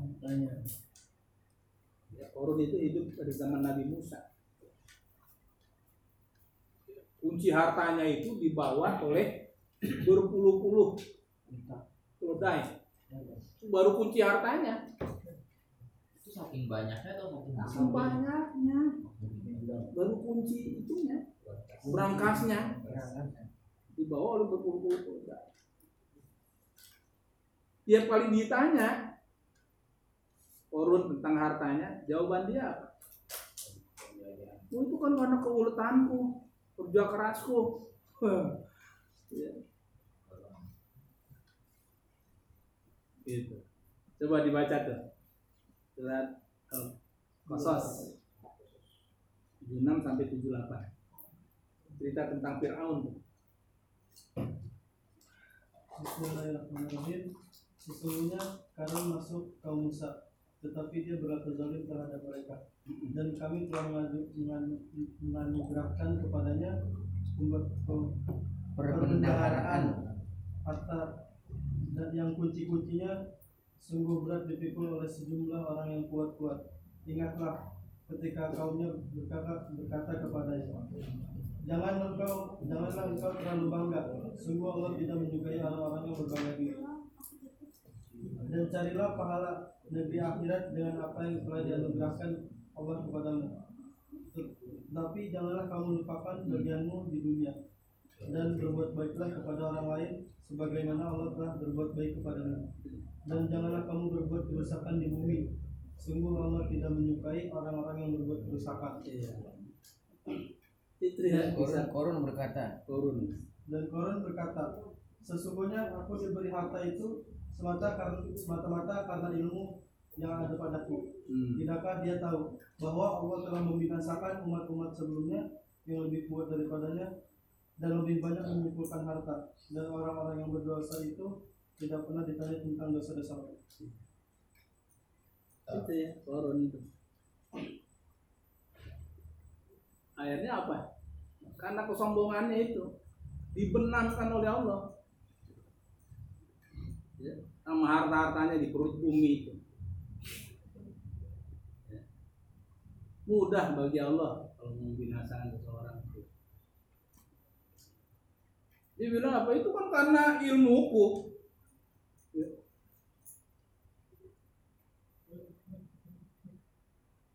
Itu bilang eh korun. Gue sukses kan karena ilmuku.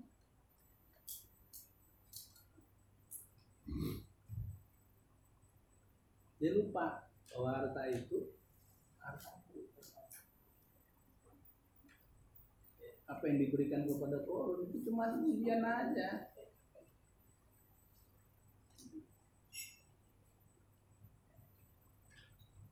Akhirnya dibenarkan. Maka kalau kita menemukan harta di perut bumi, tadi dibilang harta karun.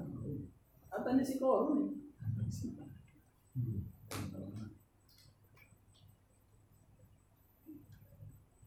Begitu dasarnya ya dampak dunia kepada seseorang itu luar biasa. Makanya Sayyidina Ali itu dalam rintihan yang panjang di malam hari dia berkata itu wahai dunia bukan aku orang yang pantas engkau perdayakan. Sayyidina Ali itu dalam rintihan panjangnya di malam hari.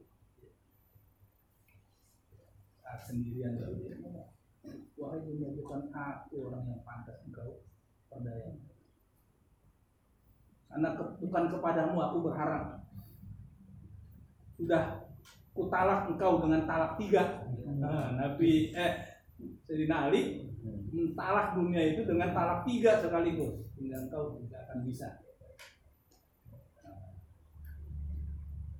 Sampai begitunya itu Sayyidina Ali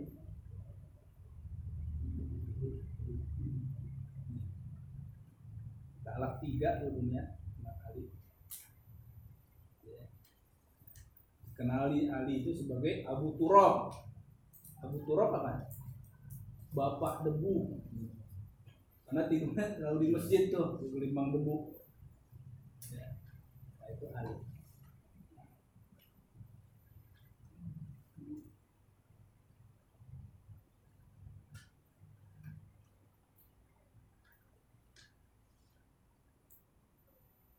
sehingga dunia bagi orang mukmin bukan apa? Bukan tujuan. Bukan tujuan. Jangan dunia ini ditempatkan di dalam hati kita. Ali juga yang berkata janganlah kamu yang mencari-cari rezeki. Ali tuh. Tapi biarlah rezeki yang mencari-cari kamu. Apa itu maksudnya coba? Janganlah kamu mencari-cari rezeki. Carilah rezeki yang mencari-cari kamu carilah rezeki yang mencari-cari kamu.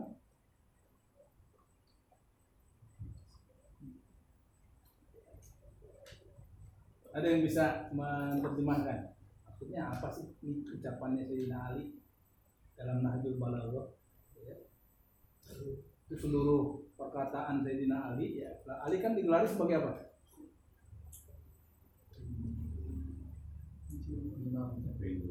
Hah? Ali gelarnya Ali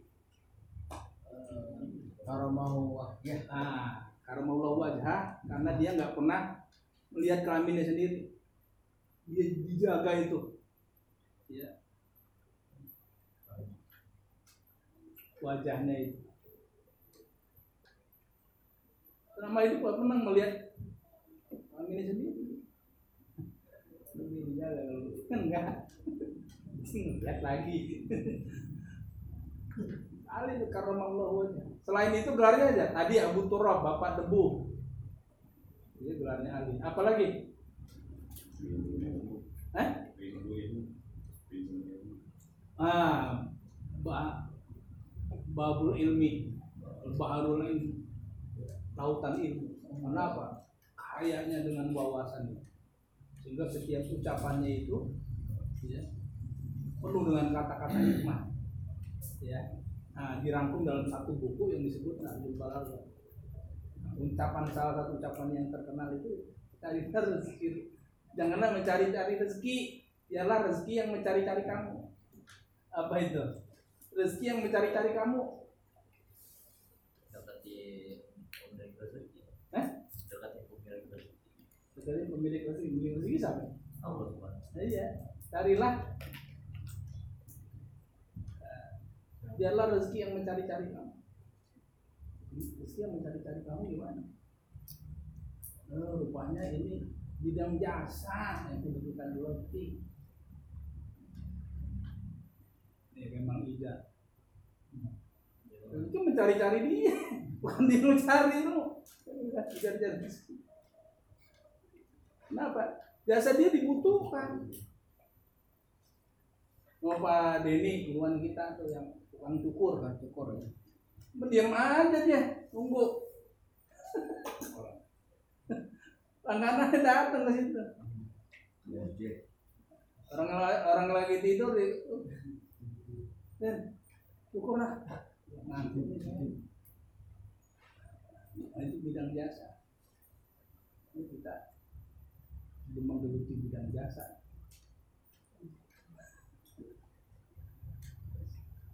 Rezeki yang mencari-cari kamu.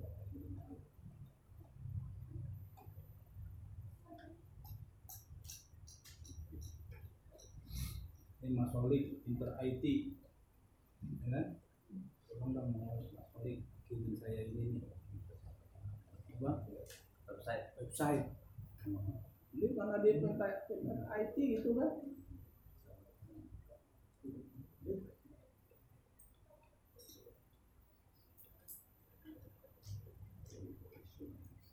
Oke. Beda dengan Nabi Sulaiman. Sulaiman, Nabi Sulaiman yang paling kaya. Tapi kalau kalau korun tadi ya paling ditanya tentang hartanya itu jawaban itu karena keuletanku, kerja kerasku, karena ilmuku. Kalau Sulaiman ucapannya apa? Hadza min fadli Rabbi. Ini hanya karunia Allah semata. Bukan karena kepintaranku, keuletanku. Alhamdulillah. Selama ini saya nggak dikasih sakit gigi. Coba kalau sakit gigi, kasih gigi boro-boro mikir gitu ya. Aduh. Karena karunia Allah saja bukan karena kepintaran. Nah. Karena saya ceritain ya, Sulaiman aja kereta kencananya itu dari emas permata. Zuhudnya Nabi Sulaiman nggak pernah merasakan nikmatnya naik kereta kencana itu.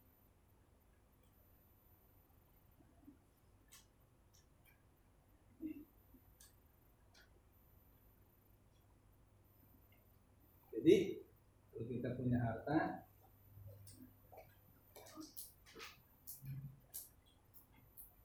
nggak boleh kecintaan terhadap harta itu mengalahkan kecintaan kepada Allah.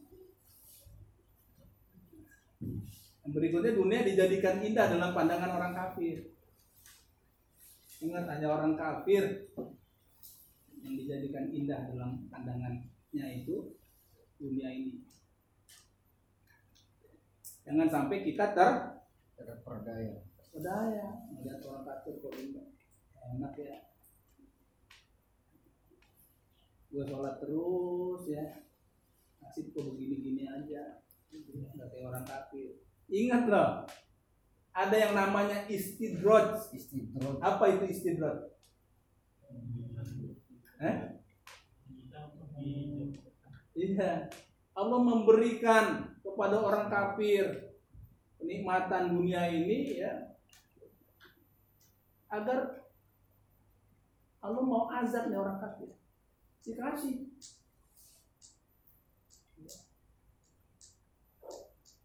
Tapi ujung-ujungnya bakal diazab, disiksa sama Allah. Itu istidrot. Pemberian tapi mengambul. Ambul, diambul. Kayak orang mancing lindung. Ya, begitu pancing dimakan, ya kan? Kan ditarik tuh sama ini, sama lindung tuh. Kita ulur, cari nih. Kita ulur. Begitu kita yakin tuh mata pancing kayaknya udah berat nih, udah ketarik nih sama dia nih. Baru kita Tarik. Nah kayak gitu Allah memberikan kenikmatan kepada orang kafir dengan cara itu diulur dulu. Dan, nah, baru saat yang tepat itu ya. Surat 2 ayat 212. Coba dibaca. kehidupan dunia dijadikan terasa indah dalam pandangan orang-orang yang orang-orang yang kafir dan mereka menghina orang-orang yang beriman. Padahal orang-orang yang bertakwa itu berada di atas mereka pada hari kiamat. Dan Allah memberi rezeki kepada orang yang dia kehendaki tanpa perhitungan. Ini. Ingat, tutup dengan ayat kalimat itu ya. Hisab. Allah memberikan rezeki kepada seseorang itu tanpa perhitungan. Jadi kalau mudah bagi Allah untuk mengkayakan seseorang atau memiskinkan seseorang mudah.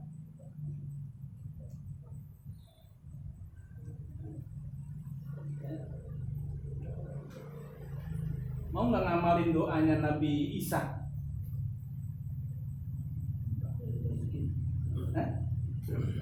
Tahu doanya Nabi Isa? Apa nggak Pak Teddy? Al-Maidah ayat ayat berapa? Ah, ya ujung ayatnya itu wa anta khairur. Ingat ujungnya dong ya. Nah, surat Al-Maidah ayatnya ayat mana yang habis surat? Allahumma rabbana. Anzil alaina ma'idatan minas sama'i takunu lana. Idan li awwalina wa akhirina wa ayatan minka warzuqna wa anta khairur raziqin. Antum baca di malam besok. Allah kasih hidangan itu doanya Nabi Isa. Allahumma rabbana anzil alaina ma'idatan minas sama'i takunu lana. Ayat 14 atau 34. Hah? Ayat berapa?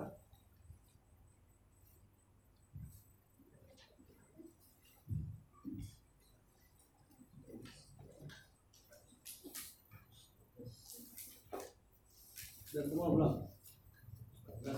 14. Ya, coba dibaca. Benar ayatnya.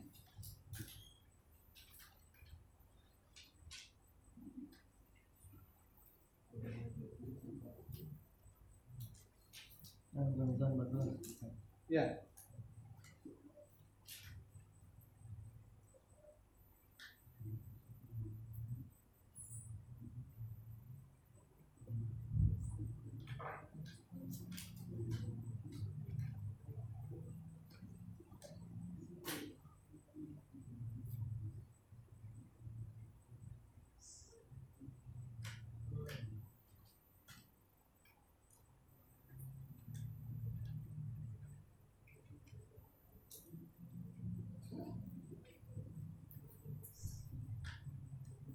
Nggak ayatnya?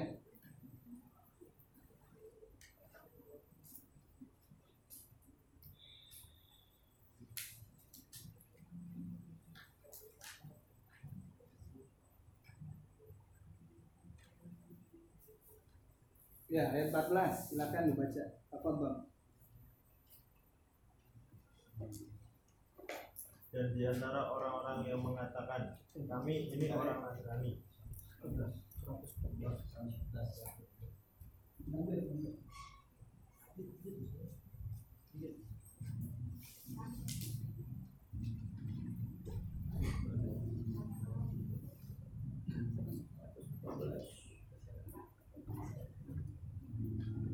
Isa putra putra Mar- Maryam. Yang doa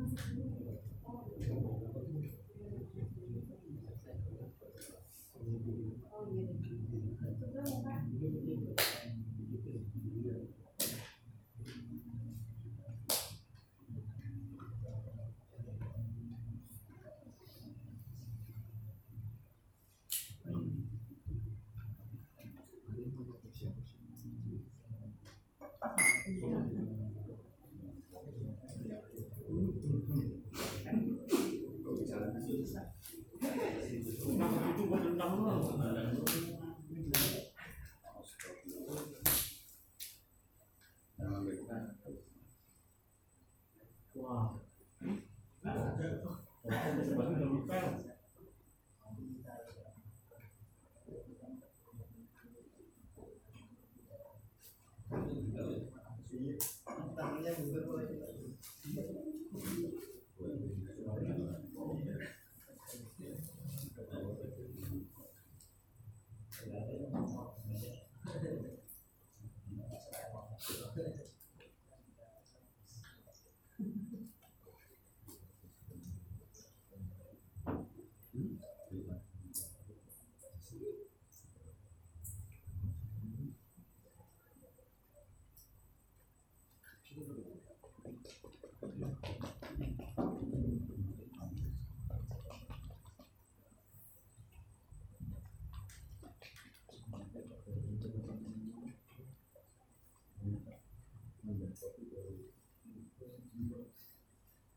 Amen.